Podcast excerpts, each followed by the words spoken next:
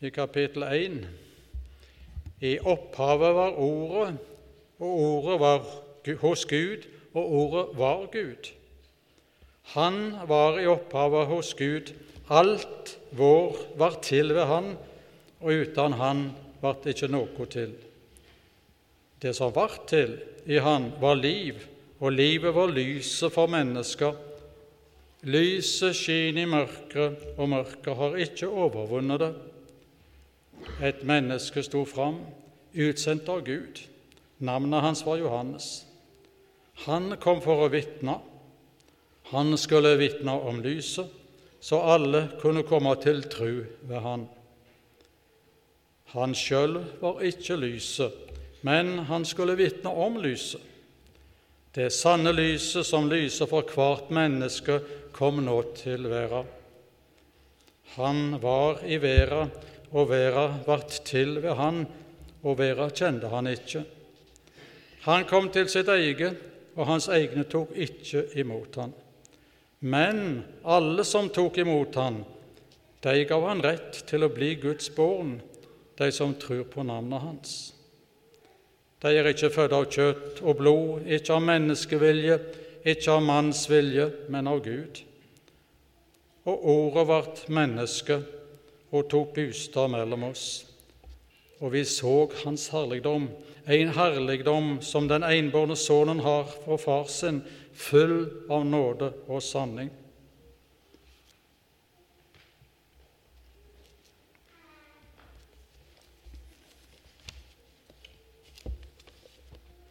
Slik lyder det hellige evangeliet.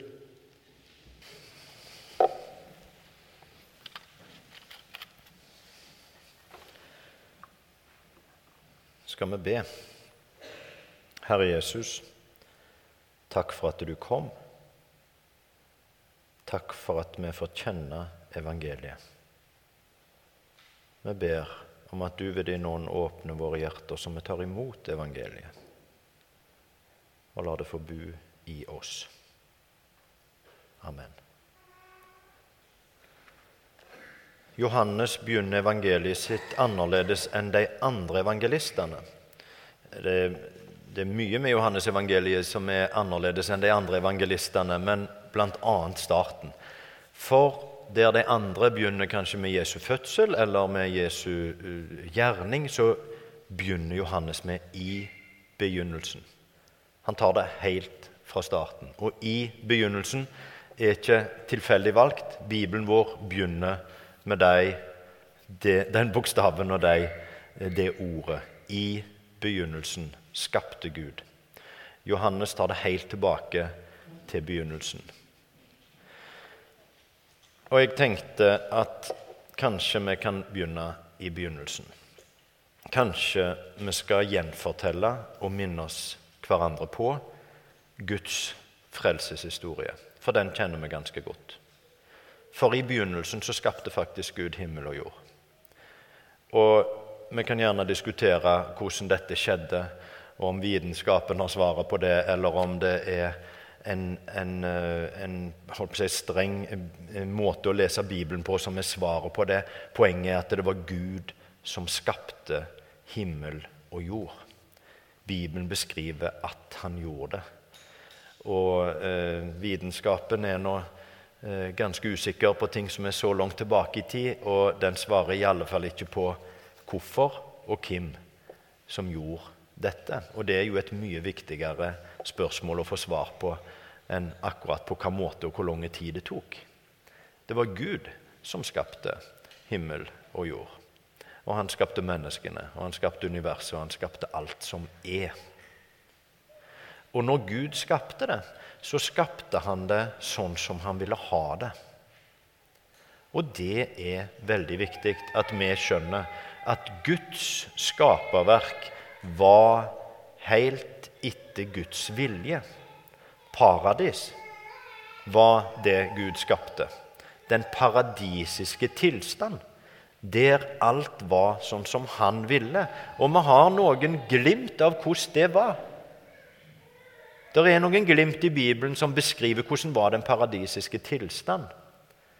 Det var ikke sykdommer, det var ikke gråt og tårer. Det var ikke det står til og med beskrevet at det som vi kjenner i naturen med rovdyr som altså løver som spiser lam og sånn, var heller ikke en virkelighet. Det var ikke naturkatastrofer. Det var en paradisisk tilstand. Hvor alt var sånn som Gud ønska det. Det var utgangspunktet for Guds skaperverk.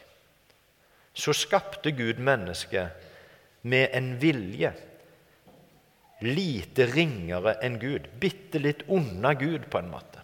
Så lik Gud at vi fikk en mulighet til å være helt fri fra Gud hvis vi ønsket det. Vende oss vekk fra Gud hvis det var det vi ønsket. Jeg vet ikke om det var det vi ønsket, men det var det vi gjorde. Og det er et veldig viktig grunnlag for oss til å skjønne vår livssituasjon, til å skjønne hele frelseshistorien. Gud ville den paradisiske tilstand. Det er det som beskriver Guds gode vilje. Og mennesket valgte å vende seg vekk fra Gud, bryte kontakten med Gud, gjøre mot hans vilje, leve sitt eget liv uten Gud. Og de konsekvensene lever vi med i dag syndefallets konsekvenser. Det kjenner vi på kroppen, noen av oss mer enn andre, hver dag. Fra det øyeblikk hvor mennesket valgte å vende seg vekk fra Gud, så valgte Gud å bruke all sin tid og krefter på å finne mennesket tilbake. Det første Gud gjorde etter syndefallet, det var at han gikk i hagen og så spurte han Adam, hvor er du? Han søkte Adam. Han leita etter mennesket. Og Guds frelseshistorie er Guds leteaksjon. Hvordan kan jeg vinne mennesket tilbake til det de var meint, der de var meint å være? Til den tilstand de var meint å leve i. Og hele historien med israelsfolket Gud valgte ut israelsfolket som et folk som han skulle handle med, til et, eh, til et, eksempel for resten av verden og til en foreløpig på en måte eh, pakt mot det som skulle komme. Og hele historien i Gamle testamentet er Guds handling fram mot fødselen av Jesus. Det viktigste i Guds frelseshistorie, det er fødselen av Jesus. For det var sånn at det var mennesker som hadde vendt seg fra Gud. Det var mennesker som måtte vende seg tilbake til Gud. Så det var mennesker som hadde et problem. Det var mennesker som måtte gjøre det. Men det var bare Gud som kunne gjøre det. Derfor ble Gud menneske og gjorde det. Det var mennesket som måtte, det var bare Gud som kunne. Derfor ble Gud menneske og gjorde det. Så Jesus er Gud som menneske. Han kom til sitt skaperverk, ble født inn i sitt skaperverk for å sone for sitt skaperverk, for å gjenopprette kontakten med seg sjøl. Det var det som skjedde når Jesus ble født. Han kom til oss. Jesus levde sitt liv uten synd, står det.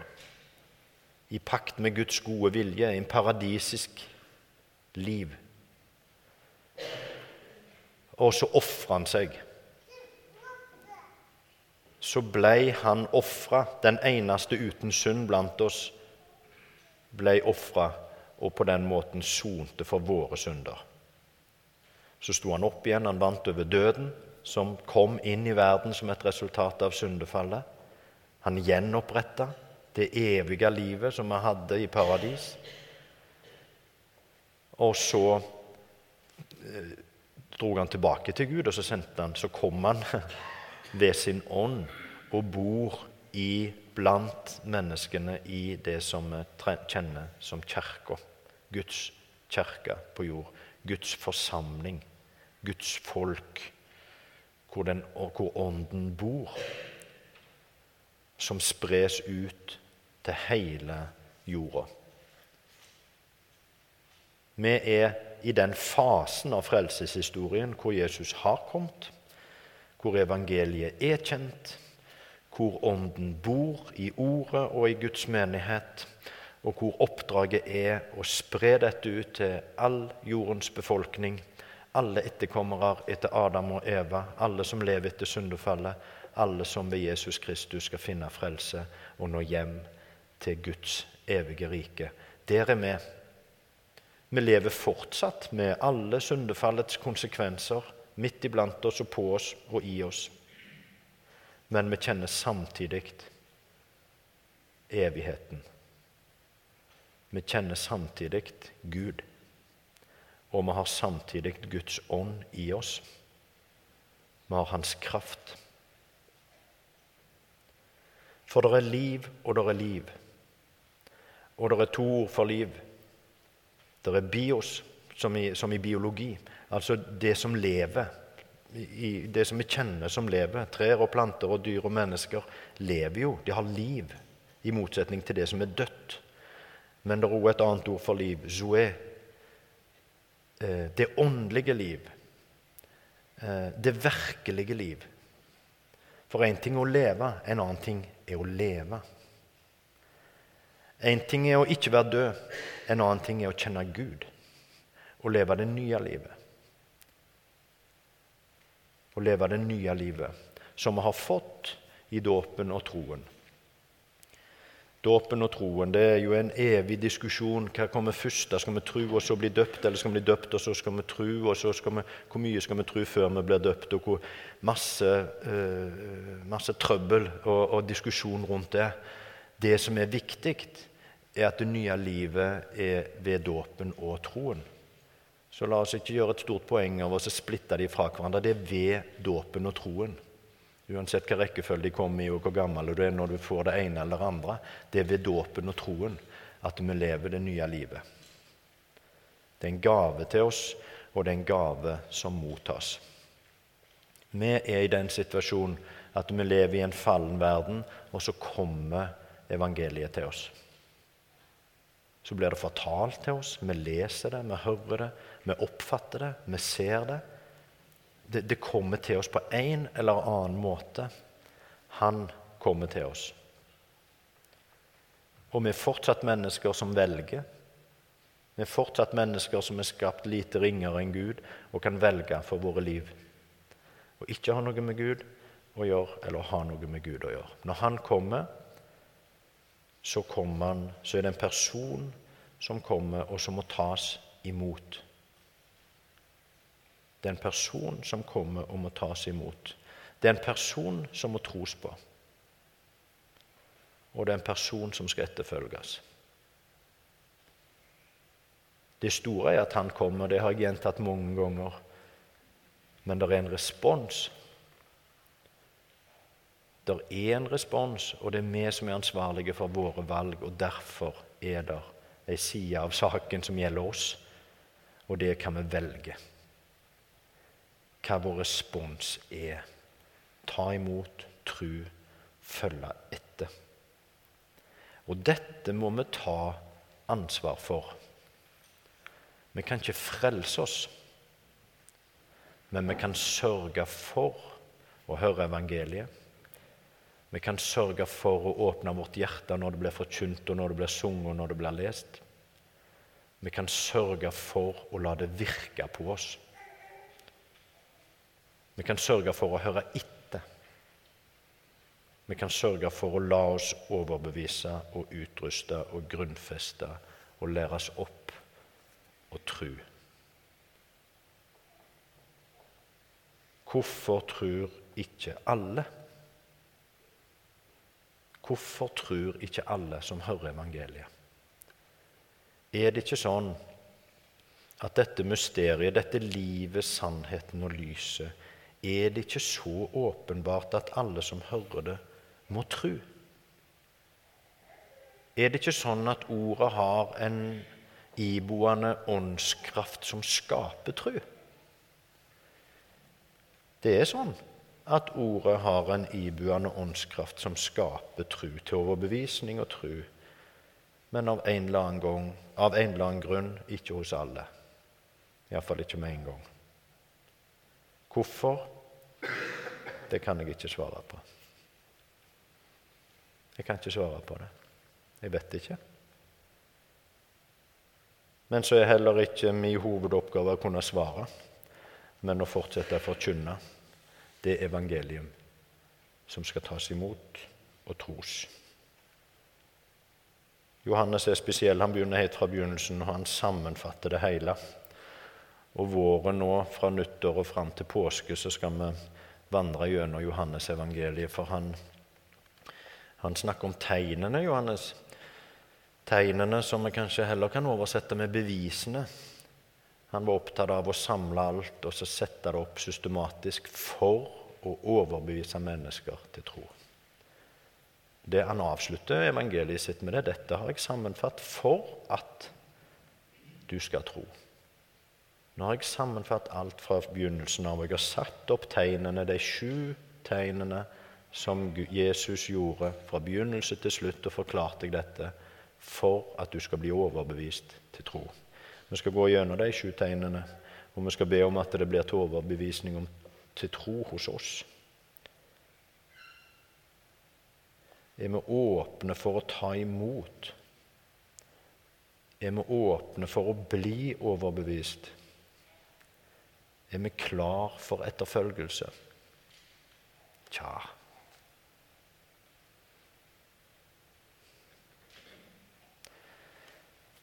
kan vi være et fellesskap som vandrer i sammen gjennom Johannes evangeliet og tegnene og tekstene og bønnene og meditasjonene og åpne oss opp og overgi oss og dele gleder og sorger og vanskeligheter og trøbbel og motstand i oss. Hjelpe oss framover på en trosvei. Han kom for oss, nemlig. Han er her. Vi kjenner evangeliet. Det er en lang historie som ligger bak at vi skulle få høre evangeliet. Det er Guds vilje at det skulle bli gitt til oss, og at vi skulle ta imot det og følge det. Fortsatt god jul.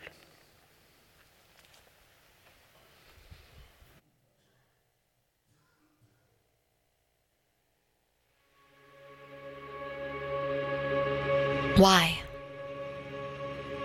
Why?